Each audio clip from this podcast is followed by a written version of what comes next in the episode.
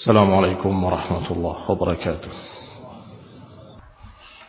إن الحمد لله نحمده ونستعينه ونستغفره ونعوذ بالله من شرور أنفسنا ومن سيئات أعمالنا من يهده الله فلا مضل له ومن يضلل فلا هادي له وأشهد أن لا إله إلا الله وحده لا شريك له وأشهد أن محمدا عبده ورسوله صلى الله عليه وعلى آله وأصحابه والتابعين وتابع التابعين ومن تبعهم بإحسان إلى يوم الدين. يا أيها الذين آمنوا اتقوا الله حق تقاته ولا تموتن إلا وأنتم مسلمون. يا أيها الناس اتقوا ربكم الذي خلقكم من نفس واحدة وخلق منها زوجها وبث منهما رجالا كثيرا ونساء. واتقوا الله الذي تساءلون به والأرحام. إن الله كان عليكم رقيبا. يا أيها الذين آمنوا اتقوا الله وقولوا قولا سديدا. يصلح لكم أعمالكم ويغفر لكم ذنوبكم.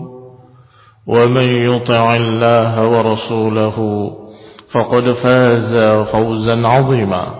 أما بعد فإن خير الحديث كتاب الله. وخير الهدي هدي محمد صلى الله عليه وعلى آله وسلم. وشر الأمور محدثاتها. فإن كل محدثة بدعة وكل بدعة ضلالة وكل ضلالة في النار. إخواني في الدين أعزكم الله. إخواني الحاضرين yang kami hormati. Khususnya yang kami hormati para pejabat-pejabat sipil maupun militer yang kami hormati. Pemerintah kami yang kami muliakan. Dan juga antum sekalian kaum muslimin yang semoga dimuliakan oleh Allah Subhanahu wa taala. Perkara yang sungguh indah kalau terjadi kebersamaan antara rakyat dengan penguasanya. Penguasa dengan rakyatnya menjadi sesuatu yang indah. Kalau ucapan-ucapan Allah dan Rasulnya diindahkan oleh kaum muslimin. Ketika Allah subhanahu wa ta'ala menyatakan وَلَا تَكُونُوا مِنَ الْمُشْرِكِينَ مِنَ الَّذِينَ فَرَّقُوا دِينَهُمْ وَكَانُوا شِيَعًا Jangan kalian seperti kaum musyrikin yang memecah belah agama mereka dan mereka menjadi bergolongan-golongan berkelompok-kelompok dan masing-masing merasa bangga dengan apa yang ada pada mereka. Demikian pula ucapan Allah Subhanahu wa taala Hendaklah kalian jangan seperti ahli kitab yaitu alladzina farraqu dinahum yang juga memecah belah agama mereka. Maka ikhwan azakumullah sekian ayat mengajarkan kepada kita kaum muslimin seluruhnya. Apakah dia sebagai rakyat jelata ataupun sebagai penguasa yang mulia. Diajarkan oleh Allah untuk tetap bersatu padu. Tetap dalam satu jamaah. Kebersamaan. Itu diperintahkan oleh Allah Subhanahu wa taala. Sehingga dalam ayat lain Allah berfirman wa'tasimu bihablillahi jami'an wa la tafarraqu. Bersatulah kalian semuanya dengan tali Allah dan jangan bercerai-berai. Di antara tafsir-tafsir para ulama, para pakar-pakar ahli tafsir menafsirkan bahwa tali Allah adalah Al-Qur'an. Tali Allah adalah Islam. Tali Allah adalah kitab was sunnah dan itu tidak berbeda, tidak bertentangan. Semuanya benar. Berpegang dengan tali Allah adalah berpegang dengan agama Allah berpegang dengan Al-Quran, berpegang dengan sunnah Rasulullah. Tetapi juga tidak bertentangan dengan tafsir dari Abdullah ibn Mas'ud radhiyallahu taala anhu yang menyatakan hendaklah kalian tetap bersama jamaah kaum muslimin dan penguasanya. Karena itu adalah hablullahil matin. Kata Abdullah ibn Mas'ud radhiyallahu taala anhu. Tetaplah sabar bersama kaum muslimin dan penguasanya. Karena itulah tali Allah yang sangat kokoh. Apakah pertentangan antara tafsir yang ini dengan tafsir yang itu? Tidak. Karena ayat ini sangat luas maknanya. Mengandung makna persasi maupun persatuan yang maknawi. Persatuan maknawi adalah persatuan akidah, persatuan agama, persatuan di atas Quran dan Sunnah. Tetapi di sana ada persatuan hissi.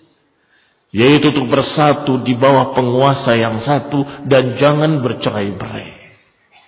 Jangan saling berperang, jangan saling bertikai. Ini juga makna wa'tasimu bihablillahi jami'an wa la. Wa adhkuru ni'matallahi 'alaikum dan ingatlah nikmat Allah atas kalian. In kuntum a'da'an fa'allafa baina qulubikum. Ingatlah nikmat Allah atas kalian. Yang kalian dulunya bermusuh-musuhan, saling berperang, saling bertikai. Satu daerah dengan daerah lain. Tetapi kemudian kata Allah Subhanahu wa taala fa asbahtum bi ni'matihi ikhwana. Kalian dengan kenikmatan Allah menjadi bersatu. Ini nikmat. Dan Allah suruh untuk kita mengingatnya. Wadkuru ni'matallahi alaikum. Ingatlah nikmat Allah atas kalian. Ketika kalian tadinya bercerai-berai, Allah satukan kalian. Disatukan di atas agama yang satu. Dengan datangnya Islam. Dengan datangnya dakwah dari Rasulullah sallallahu alaihi wa ala alihi wasallam wa kuntum ala syafa hufratin minan nari fa anqadakum minha yang kalian tadinya di pinggir jurang neraka kemudian Allah selamatkan kalian Kadzalika yubayyinullahu lakum ayatihi la'allakum tahtadun. Demikianlah kami jelaskan ayat-ayatnya kata Allah agar kalian terbimbing dengan hidayah. Maka kaum muslimin, hukaman wa mahkumin. Kaum muslimin sebagai penguasa ataupun rakyat jelata. Allah Subhanahu wa taala menghendaki sesuatu yang berupa kenikmatan untuk kita dan ini rahmat Sebagaimana sudah kita singgung pada khutbah Jumat kemarin. Bahwa dinullah dinu rahmat. Agama Allah agama rahmat. Agama kasih sayang. Allah mengajarkan perangkat-perangkat agar kalian bersatu. Diajarkan agama, diajarkan hukum-hukum, diajarkan syariat, diutus nabi demi nabi sampai nabi terakhir sallallahu alaihi wa ala alihi wasallam. Diturunkan kitab-kitab sampai kitab terakhir kitab Al-Qur'an. Ini semuanya agar kalian jangan menyimpang sesat. Kalian terbimbing dalam satu jamaah, dalam satu uh, agama di atas kenikmatan. Maka Allah Subhanahu wa taala menyatakan wa anna hadza sirati mustaqiman fattabi'u. Inilah jalanku yang lurus kata Allah. Fattabi'uhu maka ikutilah dia. Wala tattabi'us subula fatafarraqa bikum an sabilih. Jangan ikuti jalan-jalan lain niscaya kalian akan terpecah belah dari jalannya. Tafarruq perpecahan adalah karena mengikuti jalan-jalan sesat. Pertumbuhan darah, perang saudara adalah karena mengikuti sempalan-sempalan kelompok-kelompok sesat. Adapun agama Allah dalam Al-Quran dan apa yang diajarkan oleh Rasulullah SAW justru mengajak kepada persatuan, kepada al-jamaah. Pernah suatu hari Hudzaifah ibn al-Yaman radhiyallahu taala anhu menanyakan kepada Rasulullah, "Ya Rasulullah, dulu kita dalam kejelekan sampai kemudian Allah datangkan kebaikan yaitu Islam ini, agama ini. Apakah setelah kebaikan ini akan ada kejelekan lagi?" Kata Nabi ada. Digambarkan betapa jeleknya keadaan-keadaan nanti mendatang perpecahan dan pertikaian. Sampai kemudian Hudzaifah bertanya, "Ya Rasulullah, apa yang kita akan lakukan kalau kami menghadapi pertikaian seperti itu? Perpecahan-perpecahan, penyimpangan-penyimpangan, munculnya tokoh-tokoh penyesat umat." Berarti Hudzaifah mewakili kita. Apa yang kita lakukan kalau nanti terjadi masa-masa fitnah? Dikatakan oleh Rasulullah SAW, talzam jama'atul muslimin wa imamahum tetaplah engkau bersama jamaah kaum muslimin dan penguasanya. Kutu, aku katakan ya Rasulullah fa illam yakun lahum jama'atun wala imam. Bagaimana kalau enggak ada jamaah dan enggak ada imam? Qala fa'tazil tilkal firaq tinggalkan semua kelompok. Walau anta bi asli syajaratin. Walaupun kamu harus menggigit akar pohon sampai yudrikakal maut wa anta ala dhalik. Hingga datang kematian kepadamu dalam keadaan engkau seperti itu. Ternyata jalan keluar yang diajarkan oleh Rasulullah dari fitnah dan pertikaian adalah sabar bersama penguasa kaum muslimin. Sabar bersama jamaah kaum muslimin wa imamahum dan penguasanya. Kaum muslimin yang saya hormati. Ini adalah al-jamaah. Berarti yang namanya al-jamaah bukan organisasi-organisasi. Apalagi kelompok-kelompok sempalan itu, itu bukan al-jamaah, itu firqah-firqah. Kelompok-kelompok kecil yang masuk ke dalam subul. Tetapi al-jamaah adalah seluruh kaum muslimin dan penguasanya. Itu dikatakan al-jamaah. Maka Rasulullah SAW menasihatkan kepada Hudzaifah dan kepada semua yang mengalami masa-masa fitnah, sabarlah bersama kaum muslimin dan penguasanya. kaum muslim yang saya hormati. Kalau kita sabar bersama mereka akan mendapatkan rahmat. Tetapi siapa yang meninggalkan mereka akan mendapatkan adab. Karena Nabi menyatakan al-jama'atu rahmah wal furqatu adab. Al-jamaah inilah rahmat. Kebersamaan ini adalah rahmat dari Allah, kenikmatan dari Allah. Tetapi kalau furqah, perpecahan-perpecahan, maka itu azab dari Allah Subhanahu wa taala. Kau muslim yang saya hormati. Dari sinilah sebagai mukaddimah bahwa hendaklah kaum muslimin menyabari penguasanya. Jangan beralasan dengan penguasanya berbuat begini dan begitu kemudian melepaskan diri dari jamaah dan kemudian memerangi sudah terjadi apa yang terjadi. Di masa sahabat masih banyak yang hidup. Bahkan sebagian besar mereka masih ala qaidil hayah masih hidup. Sudah muncul. Kelompok-kelompok yang tidak puas dengan penguasanya kemudian berduyun-duyun datang dari Kufah dari Basrah dari Mesir berdatangan ke Madinah untuk menuntut mundur Khalifah Utsman bin Affan radhiyallahu taala anhu. Maka bagaimana sikap para sahabat yang mendengarkan nasihat dari Rasulullah SAW, talzam jamaatul muslimin wa imamahum. Bagaimana sikap mereka yang mendengarkan nasihat dari Rasulullah SAW, al jamaatu rahmah wal furqatu adab. Mereka semua tidak menyetujui sikap kaum muslimin tersebut. Dan kata Aisyah, mereka yang datang itu adalah ghawghaiyun. Sarsarun. Mereka orang-orang rendahan, orang-orang bodoh, orang-orang penggembala-penggembala yang tidak mengerti agama, tidak mengerti ilmu. Adapun para sahabat, semuanya menjadi orang yang sabar bersama Utsman dan keliling menjadi tameng hidup untuk Utsman bin Affan.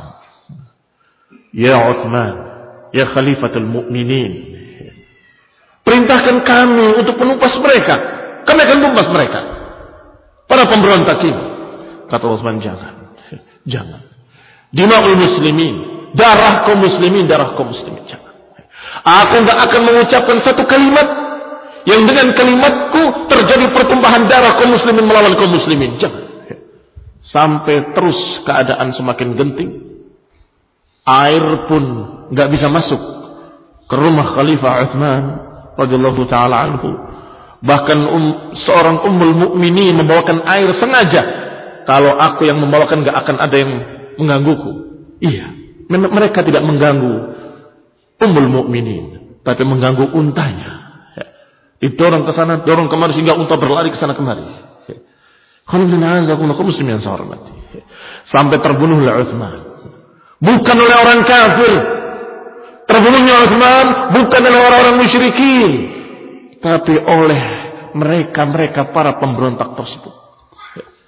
Inna lillahi wa inna ilaihi raji'un. Ikhwan ibn a'azakullah muslim yang saya hormati. Muncul setelah itu pemberontakan-pemberontakan Syiah Rafidhah yang juga tidak kalah jeleknya dengan Khawarij. Ini semua memecah persatuan. Dan inilah bibit pertama kaum reaksioner, kaum pemberontak, atau kaum yang tidak pernah puas dengan penguasa mana pun.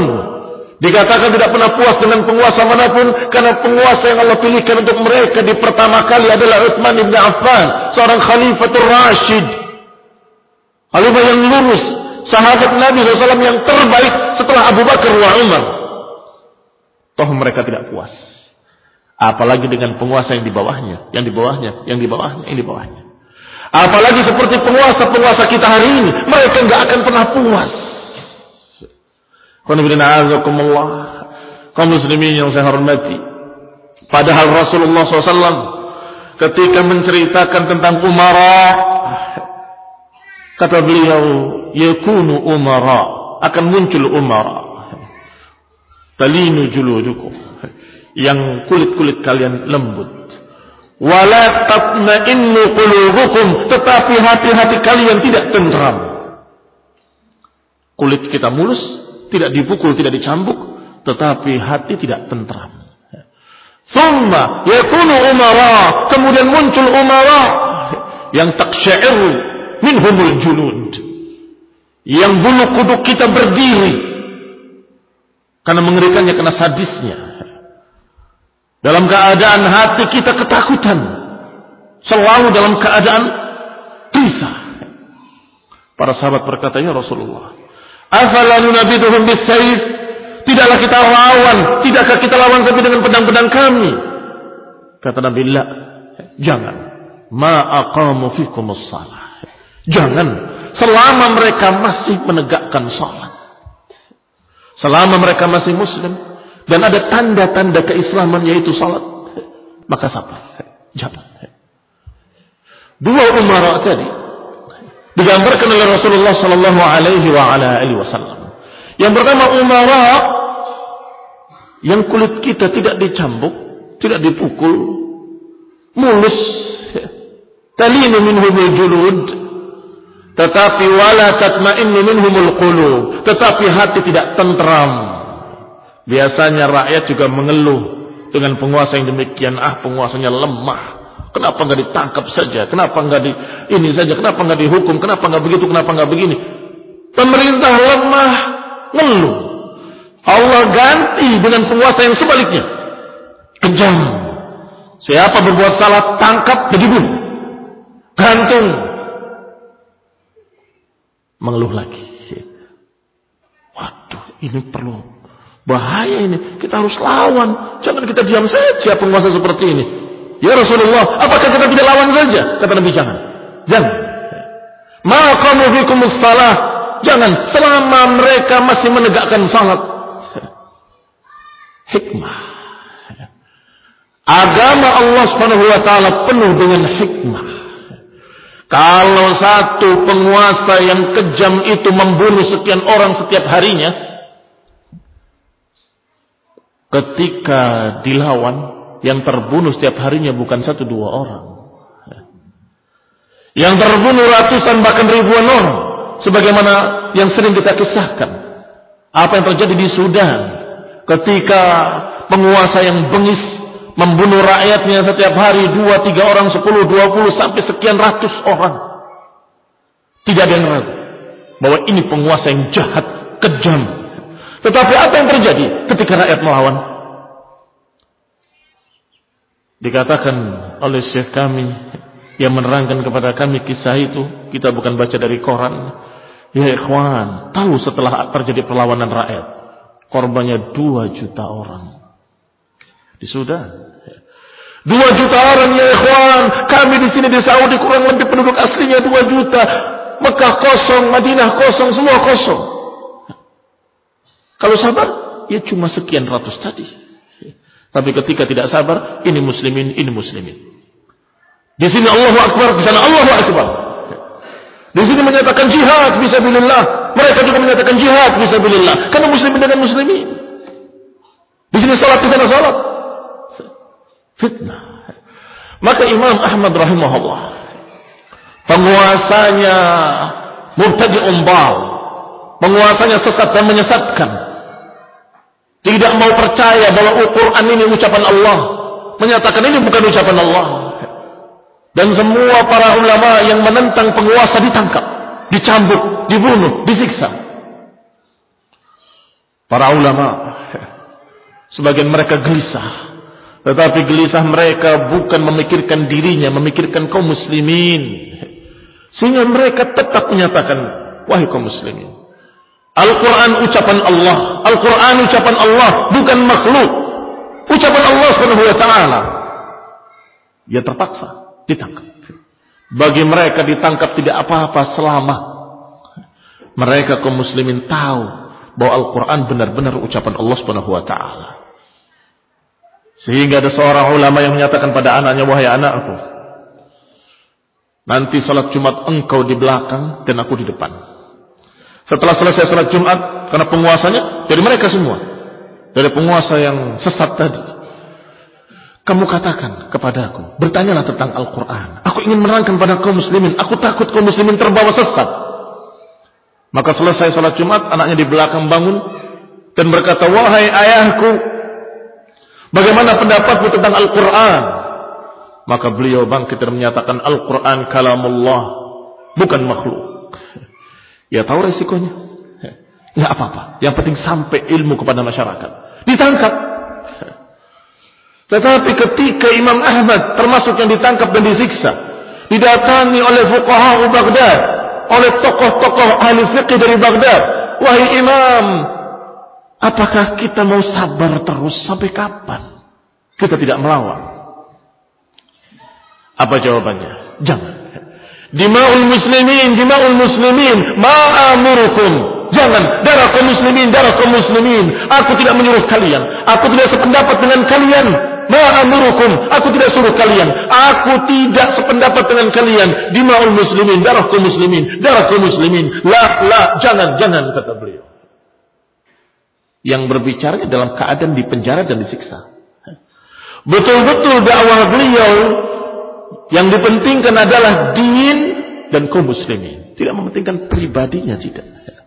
Beda dengan tokoh-tokoh sempalan khawarij. Apalagi kalau tokohnya ditangkap. Ini kurang ajar. Lawan, bebaskan saya. Kan begitu. Mementingkan dirinya. Tidak mementingkan bagaimana kaum muslimin. Bagaimana pertumpahan darah di tengah kaum muslimin. Tetapi Imam Ahmad dan para ulama ketika itu menyatakan sabar, sabar, sabar. Jangan, jangan melawan, jangan melawan. Biar aku yang disiksa. Ya Imam, bukankah fitnah? Dijawab iya. Tetapi fitnatun khassah. Iya, ini fitnah memang. Tapi fitnah yang khusus. Terjadi banyak hanya padaku dan pada fulan wa fulan. Tetapi kalau kalian melawan, ammatil fitnah. Kalau kalian melawan, maka fitnah akan merata pada seluruh kaum muslimin. Sebagian berpihak ke sana, sebagian berpihak ke sini, kemudian berperang seluruhnya. Ayuhuma a'zam. Mana yang lebih besar? Fitnatun khassah atau fitnatun ammah? Sehingga kaum muslimin yang saya hormati. Terorisme, Memberontakan pembunuhan kaum muslimin, menghalalkan darah kaum muslimin sering terjadi pada mereka-mereka yang tidak mempelajari agama dari para ulamanya. Sering terjadi dari mereka-mereka yang tidak mempelajari agama dari para sahabat. Sering terjadi pada mereka-mereka yang menyimpang sesat. Khususnya kaum khawarij dan kaum syiah rafidhah disebutkan oleh Imam Abu Qilabah rahimahullah. Qala wa'lam anna al-ahwa'a kulluha radiyah tad'u kulluha ila sayf. Ketahuilah bahwa kelompok-kelompok pengekor hawa nafsu semuanya jelek, aliran apa pun. Wa arda'uha wa aktsaruha rawafid wal mu'tazilah wal jahmiyah. Semua mengarah pada pertumpahan darah. Yang paling jeleknya, yang paling kufurnya adalah Syiah Rafidah. Kemudian Mu'tazilah, kemudian Jahmiyah, baru kemudian Khawarij. Disebutkan oleh beliau bahwa ahli ahwa kulluha radiyah tad'u ila sayf. Semua mengarah kepada pertumpahan darah. Berarti yang tidak mengarah pada pertumpahan darah adalah mereka yang istiqamah di atas kitab was sunnah yang mengikuti salafnya, mengikuti para sahabat radhiyallahu alaihim ajma'in. Imam Al-Barbahari juga berkata dengan ucapan yang hampir sama. Qala mabtada qaumun bid'atan illa istahallu sayf. Tidaklah satu kaum mengada-adakan pemahaman baru ini pemahaman bid'ah illa tahallus saif kecuali akan menghalalkan pedang. Siapa yang mengadakan pemahaman baru? Keluar dari pemahaman ahlu sunnah wal jamaah maka niscaya dia pada ujungnya akan menumpahkan darah mengkafirkan kaum muslimin menghalalkan darah kaum muslimin memerangi kaum muslimin. Padahal Allah subhanahu wa ta'ala tidaklah mengutus Rasulullah kecuali untuk rahmat seluruh alam. Tidaklah mengutus Rasulullah kecuali untuk mengajarkan satu agama yang penuh rahmat. Yang berpemikiran jauh ke depan. Tidak sempit. Mengajarkan sesuatu yang kebaikannya akan dirasakan oleh semua pihak. Rahmatan lil alamin. Maka ikhwan bin. Khawarij apakah dalam bentuk ISIS ataupun dalam bentuk lain dengan nama-nama lain kalau mengkafir-kafirkan kaum muslimin menghalalkan darah kaum muslimin memerangi kaum muslimin maka sama mereka adalah khawarij jangan tertipu dengan nama-nama baru yang jadzabah yang sangat menarik berokah Berkilau namanya. Daulah Islamiyah. Khilafah Islamiyah atau Daulah Islamiyah. Irak dan Suriah. Atau Irak dan Syam. Kaum muslimin melihat namanya tertarik. Wah, sekarang telah berdiri Daulah Islamiyah. Yang benderanya dengan La ilaha illallah. Menerapkan syarat Islam. Dulu sudah lama sekali berdiri bendera la ilaha illallah. Hukum dasarnya Quran was sunnah. Ada apa enggak ada negara itu? Ada di Saudi sana. Kenapa kalian enggak bangga? Kenapa kalian malah mengkafirkan? Tujuannya bukan itu. Kalau tujuannya itu mereka akan sabar dan akan mereka akan mengatakan Alhamdulillah kita memiliki negara yang terbaik, yang paling aman di dunia dan seterusnya dan seterusnya. Tapi tidak. Malah mereka menyatakan al-an fi Suriah wa gadan fi Saudiyah. Sekarang kita perang di Suriah, besok kita perang di Saudi. Astagfirullah. Daulah Islam mau merangi daulah Islam. Ini bukan pemikiran ahli sunnah. Ini bukan pemahaman dari Rasulullah SAW. Ini pemahaman khawarij. Pemahaman sesat yang diancam justru negara-negara kaum muslimin. Yang diancam Indonesia, Mesir, Saudi. Jangan diancam. Ya Murdoko, saya akan datang kepadamu sebentar lagi. Loh, kok, kok muslimin yang diancam? Lah kamu ini siapa? Orang Mesirnya bicara dengan bahasa Mesir. Yang saya lihat sendiri videonya. Kalian sebentar lagi akan kami perang, kalian halal darahnya, kalian begini dan kalian begitu. Juga kalimat tadi terhadap Saudi. Al-an fi Suriah wa qadan di Saudi. Ini juga barakallahu fikum menunjukkan kalau mereka ini bukan orang-orang yang berjalan di atas hak, bukan orang-orang yang berjalan di atas dalil, di atas Quran dan Sunnah. Karena sudah kita katakan dalam mukaddimah bahwa yang namanya Islam itu dengan jamaah. Al-Islam dinu jamaah, dinu rahmah, agama yang penuh kasih sayang, agama yang penuh kebersamaan dengan kaum muslimin. Tidak mudah menghalalkan darah kaum muslimin. Apalagi kalau kita lihat na'udzubillah ketika mereka membantai kaum muslimin, membunuh satu persatu. Entah saya tidak tahu apa yang terjadi pada mereka, tetapi kalimat di mulutnya la ilaha illallah. Kami muslim, aku muslim, asyhadu la ilaha illallah. Tidak peduli, ditembak kepalanya, dibuang ke sungai. Bukan satu, sekian banyak. Satu persatu ditembak. La ilaha illallah adalah kalimat yang mulia. Kalimat yang mengharamkan darah orang yang mengucapkannya. Kalimat yang mengharamkan harta orang yang mengucapkannya. Kata Nabi SAW, Umirtu an uqatilan nas hatta yashhadu an la ilaha illallah. Wa idza qaluha, kalau sudah mengucapkannya, asamu minni dima'ahum wa amwalahum. Kalau sudah mengucapkan la ilaha illallah, terlindungi dari kami darahnya dan hartanya. Bagaimana dengan kisah Usama bin Zaid radhiyallahu taala anhuma, semoga Allah meridhoinya, anaknya dan bapaknya. Ketika dia dalam keadaan berperang, ini perang kafir-kafir yang memang diperangi oleh Nabi SAW. Ketika akan dibunuh, dengan pedangnya, si kafir tadi berkata, Asyhadu an la ilaha illallah. Kata beliau, ah ini paling melindungi diri dari pedangku saja. Ketika sampai kepada Rasulullah SAW beritanya, Rasulullah marah besar. Walaupun dia adalah kecintaan Rasul, yang dijuluki dengan hibbu Rasulullah, ibni hibbi Rasulullah, kecintaan Rasul, anaknya kecintaan Rasul. Rasulullah SAW marah. Aqatatahu ba'da maqala la ilaha illallah Aqataitahu ba'dama qala la ilaha illallah? Apakah kau membunuhnya setelah mengucapkan la ilaha illallah? Diulang-ulang oleh Nabi SAW. Usama menjawab sedikit, Ya Rasulullah.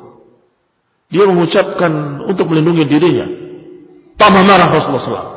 Apalah syakak tabatna. Tidakkah kau robek perutnya dan lihat hatinya. Apakah dia jujur dari hatinya atau tidak? Artinya engkau tidak tahu hatinya.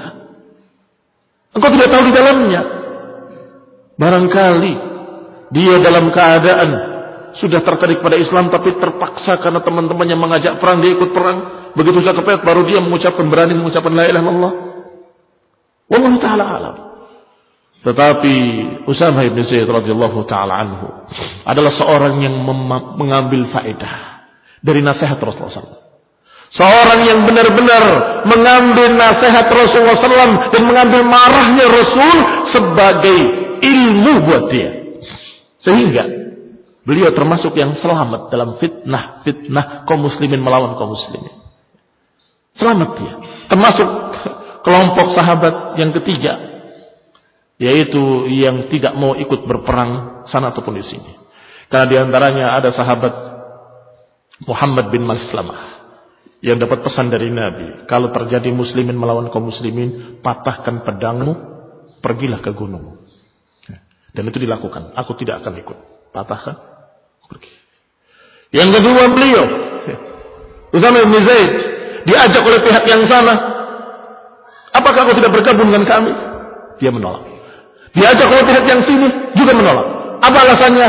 Wallahi masih terngiang di telingaku ucapan Rasulullah. Aku tahu ba'da maqala la ilaha illallah. Apakah kau membunuhnya keadaan sudah mengucapkan la ilaha illallah?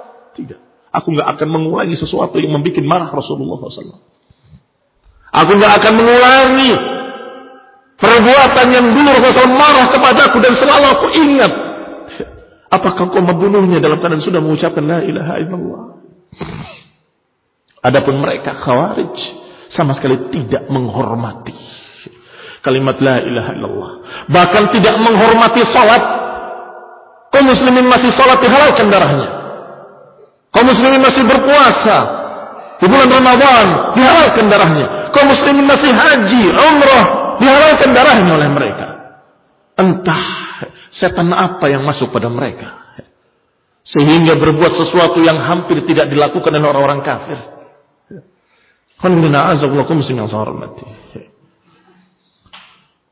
Rasulullah Shallallahu Alaihi Wasallam sudah mengisyaratkan akan munculnya kelompok-kelompok seperti ini.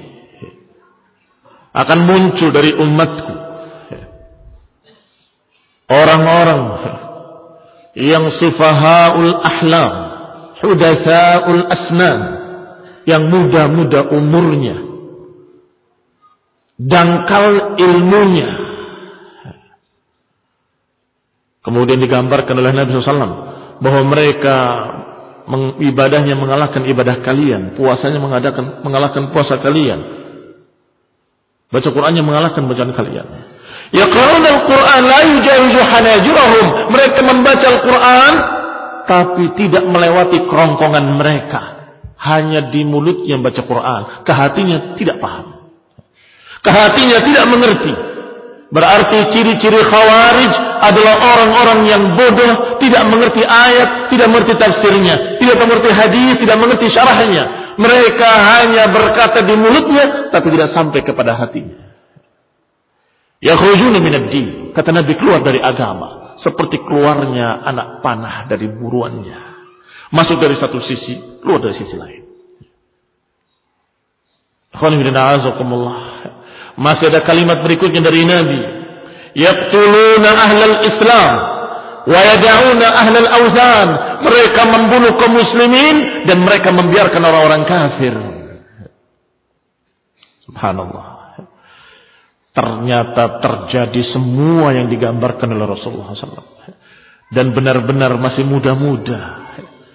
Dan rata-rata keumuman anak-anak muda itu lebih berjalan dengan emosinya daripada dengan ilmunya. Mereka lebih banyak berjalan dengan emosi, dengan kemarahan.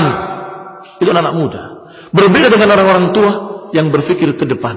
Apa akibatnya? Apa nanti hasilnya? Bagaimana kalau begini? Bagaimana kalau begitu? Itu orang tua. Anak muda pendek akalnya.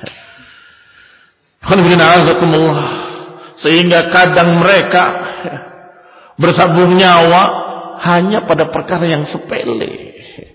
Balapan motor, geng motor. Bagaimana balapannya? Bukan balapan seperti yang kalian ketahui di sirkuit-sirkuit, bukan. Balapan dari sana ke dinding. Siapa yang cepat menyampai dinding?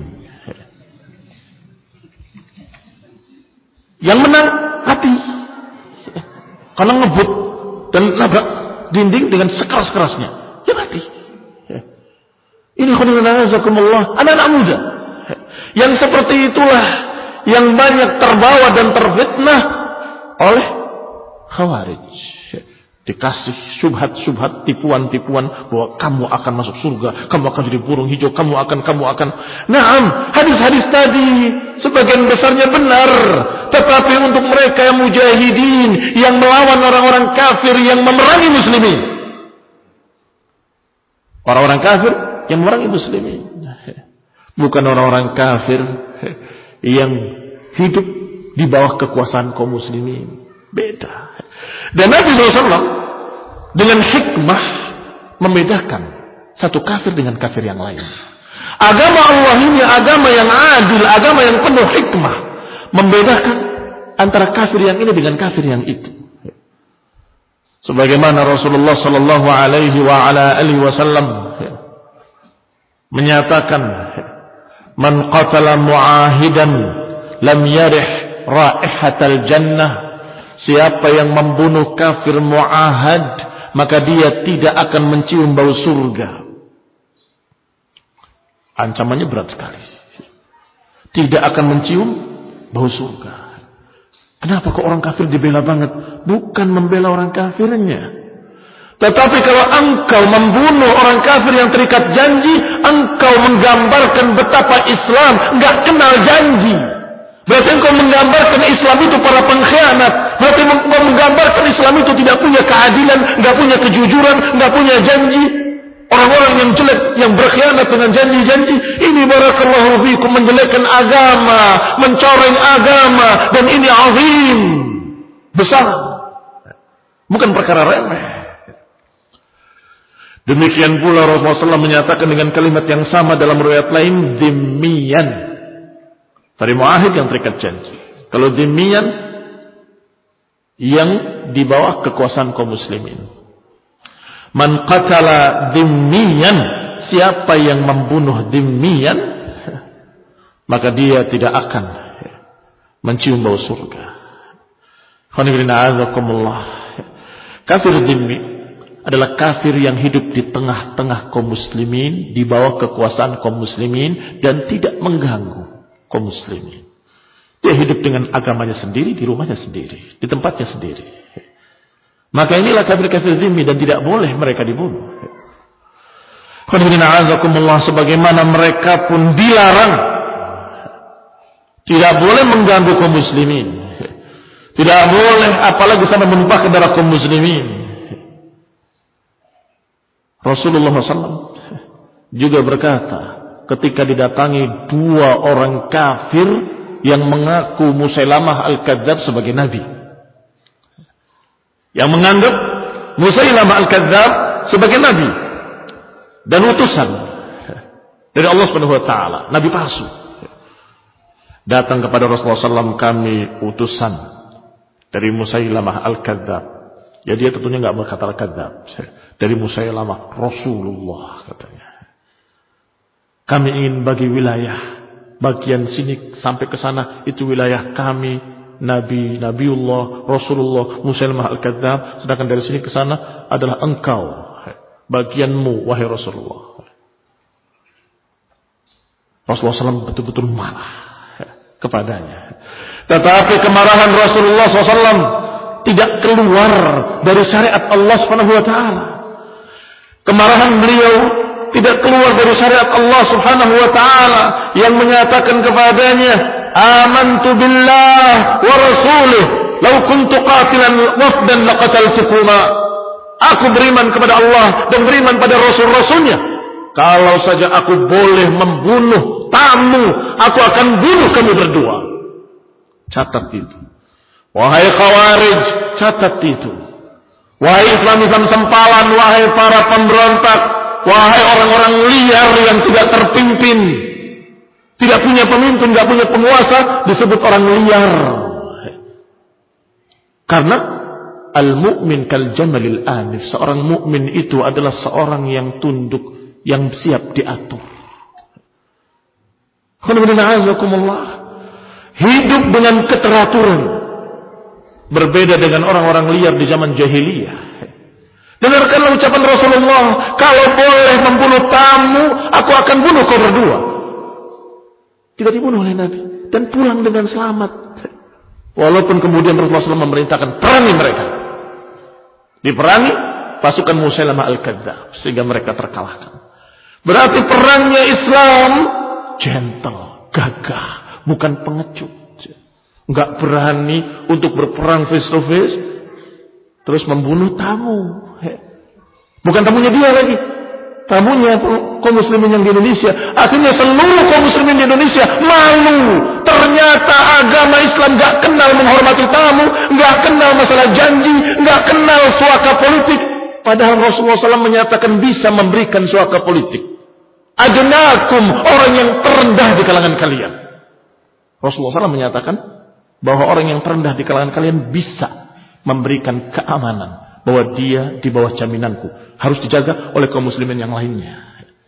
Ini Allah pernah terjadi di zaman Rasulullah SAW. Seorang wanita bahkan menyatakan bahwasanya nggak apa-apa, datanglah kemari, aku akan menjaminmu aman. Ada familinya yang kafir mau datang, minta keamanan, maka diberikan keamanan.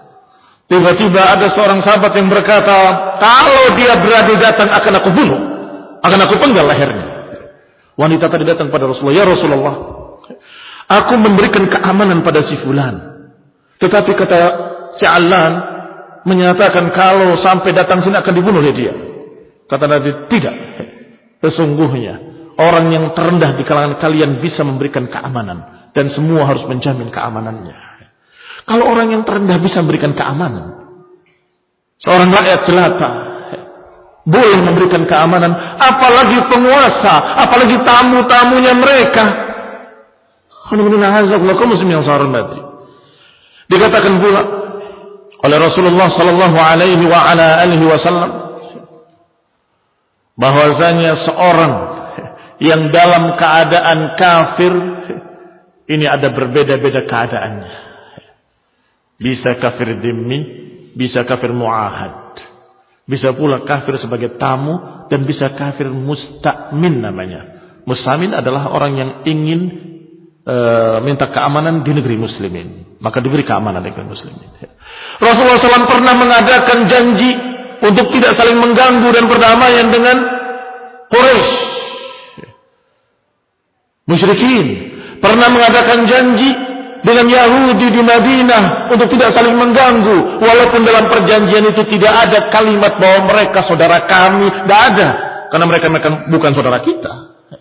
Tidak ada di dalamnya kalimat bahwa kita mengakui kebenaran mereka. Lah mereka musyrikin. Mereka kufar. Kita tetap dengan keyakinan kita. Lakum dinukum waliyadin bagi kalian agama kalian bagi kami agama kami. Maka bedakanlah antara keduanya Jangan ekstrim kanan, jangan ekstrim kiri. Ekstrim kanan tidak peduli, pokoknya kafir bunuh. Walaupun tetangganya sendiri, walaupun penjual telur, nggak tahu apa-apa dibunuh. Ekstrim. Yang sebaliknya, oh mereka adalah saudara kita. Ya salah lagi, mereka bukan saudara. Dikatakan mereka saudara kita, mereka, mereka, mereka. Sampai menyatakan mereka juga di atas kebenaran. Dan bisa jadi mereka juga masuk surga. Seperti yang digembar-gemborkan oleh Islam liberal. Bahwa nanti di surga ada Nabi Muhammad, ada Nabi Isa, ada Martin Luther, ada Mahatma Gandhi, ada iya diucapkan oleh mereka. Muhammad Amin yang tidak amin. ekstrim lagi. Kalau ahli sunnah kaum muslimin, masalah akidah nggak bisa diganggu gugat. Inna dina inda Islam. Agama Allah adalah agama Islam. Adapun yang mereka kafir. Tetapi kafir dibagi-bagi. Ada kafir yang memerangi kaum muslimin. Ada kafir yang terikat janji dengan kaum muslimin. Ada kafir yang hidup di bawah kekuasaan kaum muslimin. Ada kafir sebagai tamu. Dan dibedakan hukum-hukumnya. Adapun kafir harbi, kita perangi mereka. Kita tidak mundur satu langkah pun kalau mereka berani mengganggu muslimin. Kita nggak akan mundur sedikit pun kalau mereka berani memerangi kaum muslimin. Iya kan? Tetapi kalau mereka kafir yang terikat janji untuk tidak saling mengganggu, maka jaga perjanjian. Aufu bil uqud kata Allah. Tepatilah janji-janji kalian. Atau kalau kafir zimmi, maka biarkan mereka dengan agama mereka. Lakum dinukum waliyadin. Kalian dengan agama kalian, kami dengan agama kami. Tidak saling mengganggu.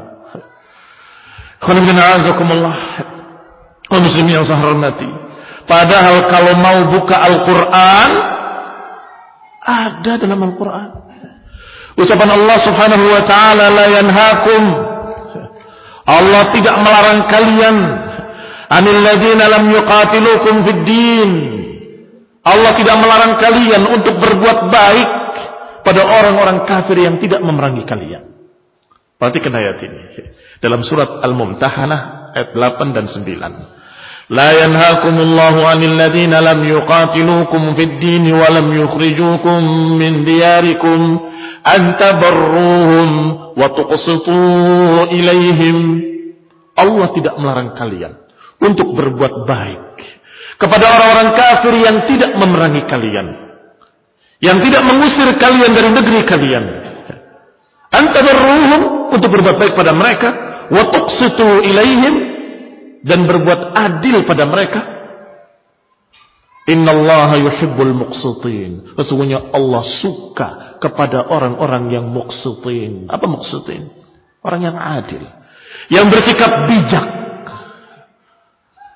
Innama yanhaakumullah anil ladzina qataluukum. Sesungguhnya Allah melarang untuk berbuat baik hanya pada mereka-mereka yang qatalukum, yang memerangi kalian fid yang akhrajukum yang mengusir kalian dari negeri-negeri kalian. Wa ala ikhrajikum yang mendukung kelompok lain untuk mengusir kalian.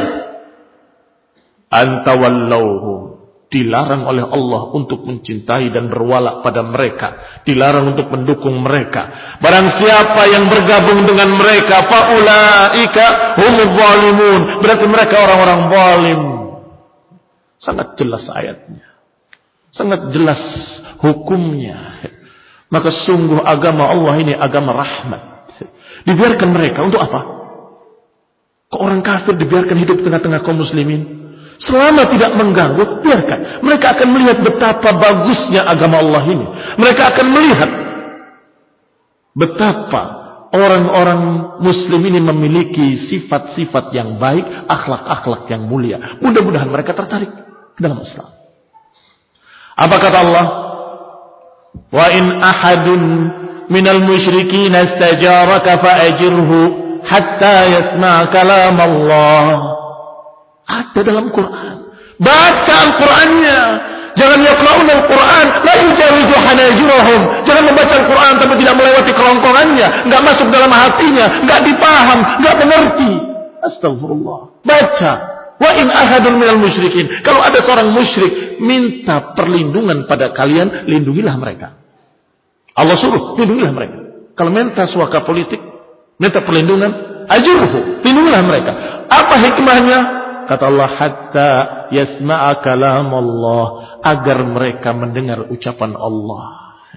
Saya masih ingat tangga saya penjual kelontong Cina kafir.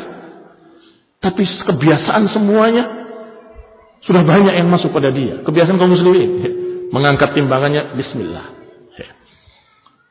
Ketemu orang juga menyatakan dengan kalimat-kalimat Muslimin, kalimat muslim. Kenapa? Yang mau tidak mau di tengah-tengah kaum muslimin akan terpengaruh kaum muslimin. Dan itu yang diharapkan. Mudah-mudahan suatu saat dia akan masuk Islam. Khamilina'azakullah kaum muslimin yang saya hormati. Fa'ajirhu hatta yasma kalam Allah wa in ahadun minal musyrikin. Kalau ada seorang yang meminta pada kalian keamanan di tempat kalian wahai kaum muslimin, lindungilah dia. Jagalah dia. Hatta yasma kalam Allah agar dia mau mendengar ayat-ayat Allah Subhanahu wa taala. Demikian pula dikatakan oleh Allah Subhanahu wa taala 'ala hubbihi miskinan wa yatiman wa asira. Pernah bacakah mereka ayat ini? Dan memberi makan orang-orang dengan kecintaan hati, dengan sukarela. Miskinan wa yatiman wa asira. Miskin, yatim, dan yang ketiga asir. Siapa asir?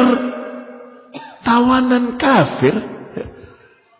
Tawanan kafir disuruh diberi makan oleh Allah Taala. Wa at-ta'am ala hubbihi dengan sukarela. Miskinan wa yatiman wa asira. Asir. Tawanan. Bukan kemudian diperlakukan dengan perlakuan yang kejam. Bukan. Tapi justru dibikin mereka tertarik dengan Islam. Ada kisah Sumama Ibni Uthalah yang tertangkap dan dia orang kafir bahkan tokoh pimpinan satu suku dari musyrikin. Dihadapkan Rasulullah SAW kata Rasulullah ikat di masjid. Di mana ikatnya? Di masjid. Sekarang barakallahu fikum berani-berani orang kafir mau masuk masjid kaum muslimin akan marah besar. Bahkan sampai terjadi pertumpahan darah di periuk hanya karena masalah yang seperti itu. Diikat di masjid. Kenapa? Supaya melihat kaum muslimin salat, melihat kajian Islam, melihat ceramah-ceramah Islam, melihat semua apa yang terjadi di masjid itu. Setiap hari Rasulullah SAW lewat kepada Sumama, ditanya. Maka bika ya Sumama? Apa kabarmu wahai Sumama? Ditanya. Tidak, di, tidak dicuekin, tidak diacuhkan, ditanya. Apa kabarmu hari ini? Baik. Ditanya, "Ma indak? Apa yang ada pada sisimu?" Qala indi khaira. Aku punya kebaikan. In taqtul taqtul damin. Kalau engkau membunuh, engkau membunuh orang yang punya darah. Wa in tun'im tun'im ala syakirin. Kalau engkau mau berbuat baik padaku, engkau berbuat baik pada orang yang pandai bersyukur. Artinya aku akan berterima kasih. Kalau yang ketiga, wa in turidu malan, kalau engkau menginginkan harta, is'al ma badalak, mintalah semau. Karena dia tokoh pimpinan. Rasulullah tinggalkan. Besoknya ditanya lagi, "Madza bika ya Sumamah?" "Madza indaka ya Sumamah?" Dijawab, "Indi ma qultu." Aku memiliki apa yang sudah aku ucapkan. Kalau kau membunuh, membunuh orang yang punya darah. Kalau engkau memberikan kebaikan, engkau memberikan kebaikan kepada orang yang pandai berterima kasih. Kalau engkau meminta harta, mintalah dengan semaumu. Ditinggalkan lagi Rasulullah SAW. Ketiga kalinya pada keesokan harinya ditanya lagi, "Maka bika ya Tumamah? Apa yang ada pada dirimu wahai Tumamah?" Dijawab dengan sama. Indi makultu. Aku punya apa yang satu aku sudah ucapkan. Rasulullah SAW melihat kejujuran orang ini dengan pertanyaan lagi, pertanyaan lagi, pertanyaan. Ketika dilihat sepertinya sungguh-sungguh, yang Rasulullah SAW pilih bukan yang pertama untuk membunuhnya kemudian selesai mati dalam keadaan kafir, kasihan dia. Yang diharapkan bagaimana supaya masuk Islam. Lihat, ini rahmah ini kasih sayang yang dipikirkan oleh bagaimana supaya masuk Islam. Kalau minta harta itu hanya dapat dunia saja. Kita bukan butuh dunia, tapi kita ingin semua orang dapat hidayah. Maka Rasulullah memilih yang tengah. Kalimat kalau diberi kebaikan, engkau memberikan kebaikan pada orang yang pandai berterima kasih. Rasulullah harapkan dari situ. Mudah-mudahan dia akan memiliki terima kasih tadi. Atlaku sumamah. Lepaskan sumamah kata Nabi. Disuruh untuk dimerdekakan. Dilepas. Ya. Disikapi dengan baik ketika ditawan. Ditanya dengan baik. Sampai kemudian dilepaskan. Tanpa tebusan apa-apa. Tanpa tebusan apa pun. Coba. Katanya mau berterima kasih. Ternyata Zumamah begitu dilepas lari ke gunung-gunung atau ke kebun-kebun korma. Kemudian mandi di sumur sana. Setelah mandi kembali dengan bersih. Dan menyatakan, Ya Rasulullah, aku masuk Islam. Ashhadu an la ilaha illallah. Wa ashhadu annaka Rasulullah. Aku mempersaksikan bahwa tidak ada ilah yang berhak dibadahi kecuali Allah dan aku bersaksi bahwa engkau adalah benar-benar Rasulullah. Bagaimana kisah Arabi yang datang kepada Nabi SAW dengan pedangnya. Nabi sedang tidur. Kemudian diambil, dicuri pedangnya dan dikatakan siapa yang akan melindungimu. Wahai Muhammad. Rasulullah SAW dengan tenang, nggak takut sedikit pun. Karena ada Allah, kata dia Allah. Yang akan melindungi aku Allah. Ketika lihat Rasulullah SAW tenang menjawab Allah, gemetar dia, jatuh pedangnya. Diambil pedangnya. Dikembalikan pertanyaan tadi, siapa yang akan melindungi sekarang? Kata Arabi tadi, sungguh tidak ada yang bisa melindungiku kecuali kebaikanmu. Maka Nabi SAW membebaskan dia. Kenapa dibebaskan? Karena mengharapkan bahwa orang ini sudah mulai paham, sudah mengenali Rasulullah SAW. Maka dia kemudian masuk Islam. Dan membawa semua sukunya masuk Islam. Ini azakumullah yang hilang dari mereka-mereka orang-orang yang terfitnah dengan khawarij. Hilang dari mereka, terlupakan atau tidak terdengar oleh mereka hadis-hadis yang menunjukkan rahmat agama ini, rahmatnya Islam, kasih sayang Islam yang diajarkan oleh Rasulullah sallallahu alaihi wasallam. Apalagi Syiah Rafidhah.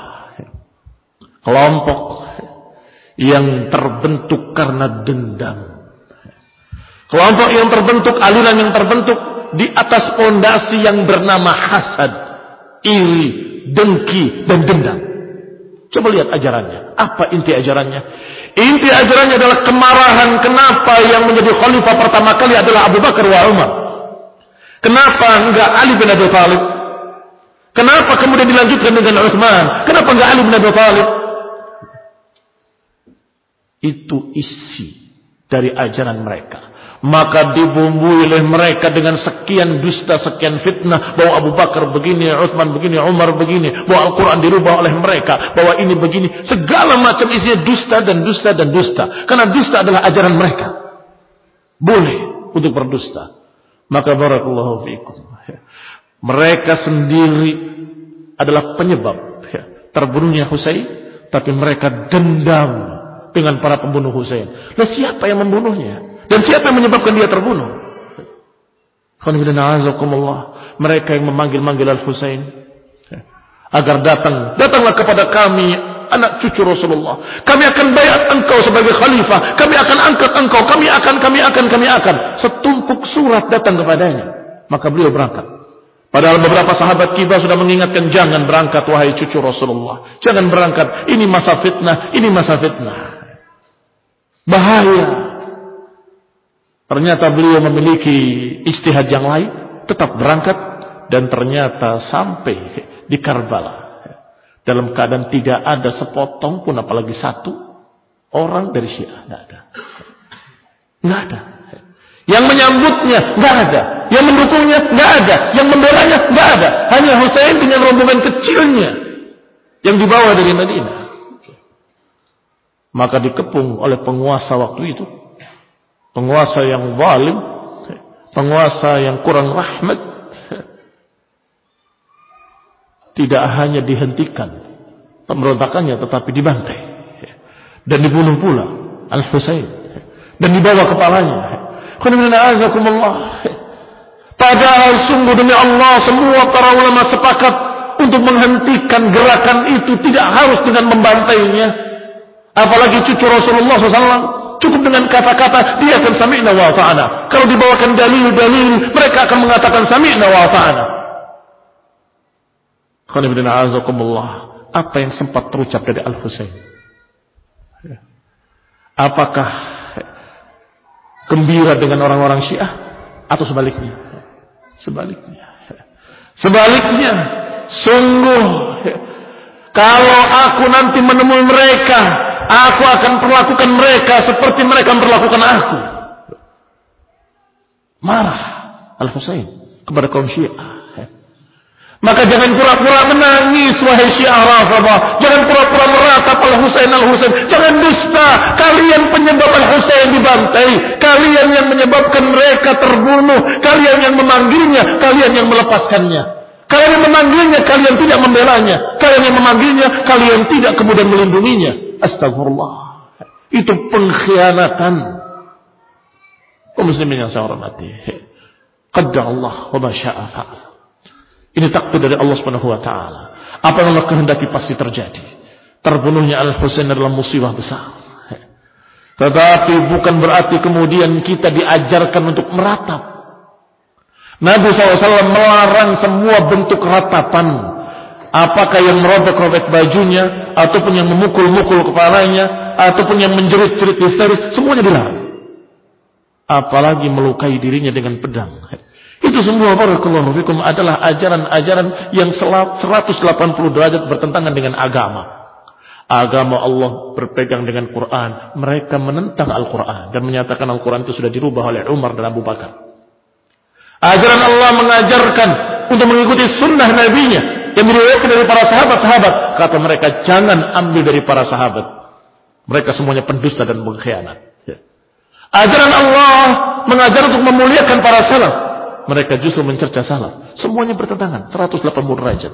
Maka mereka bukan ajaran Islam. Tetapi ajaran musuh-musuh Islam. Alias Yahudi ajaran Abdullah ibn Saba al-Yahudi. Maka mereka selalu membantai muslimin dan itu wajar karena mereka musuhnya kaum muslimin. Di Suriah mereka membantai muslimin. Di Irak mereka membantai muslimin. Di Yaman mereka memberontak membantai muslimin. Di mana-mana kaum Syiah membantai muslimin. Maka ini barakallahu fikum adalah perkara yang menunjukkan bahwa Syiah dengan Khawarij adalah dua perkara yang hampir sama dalam masalah pertumpahan darah.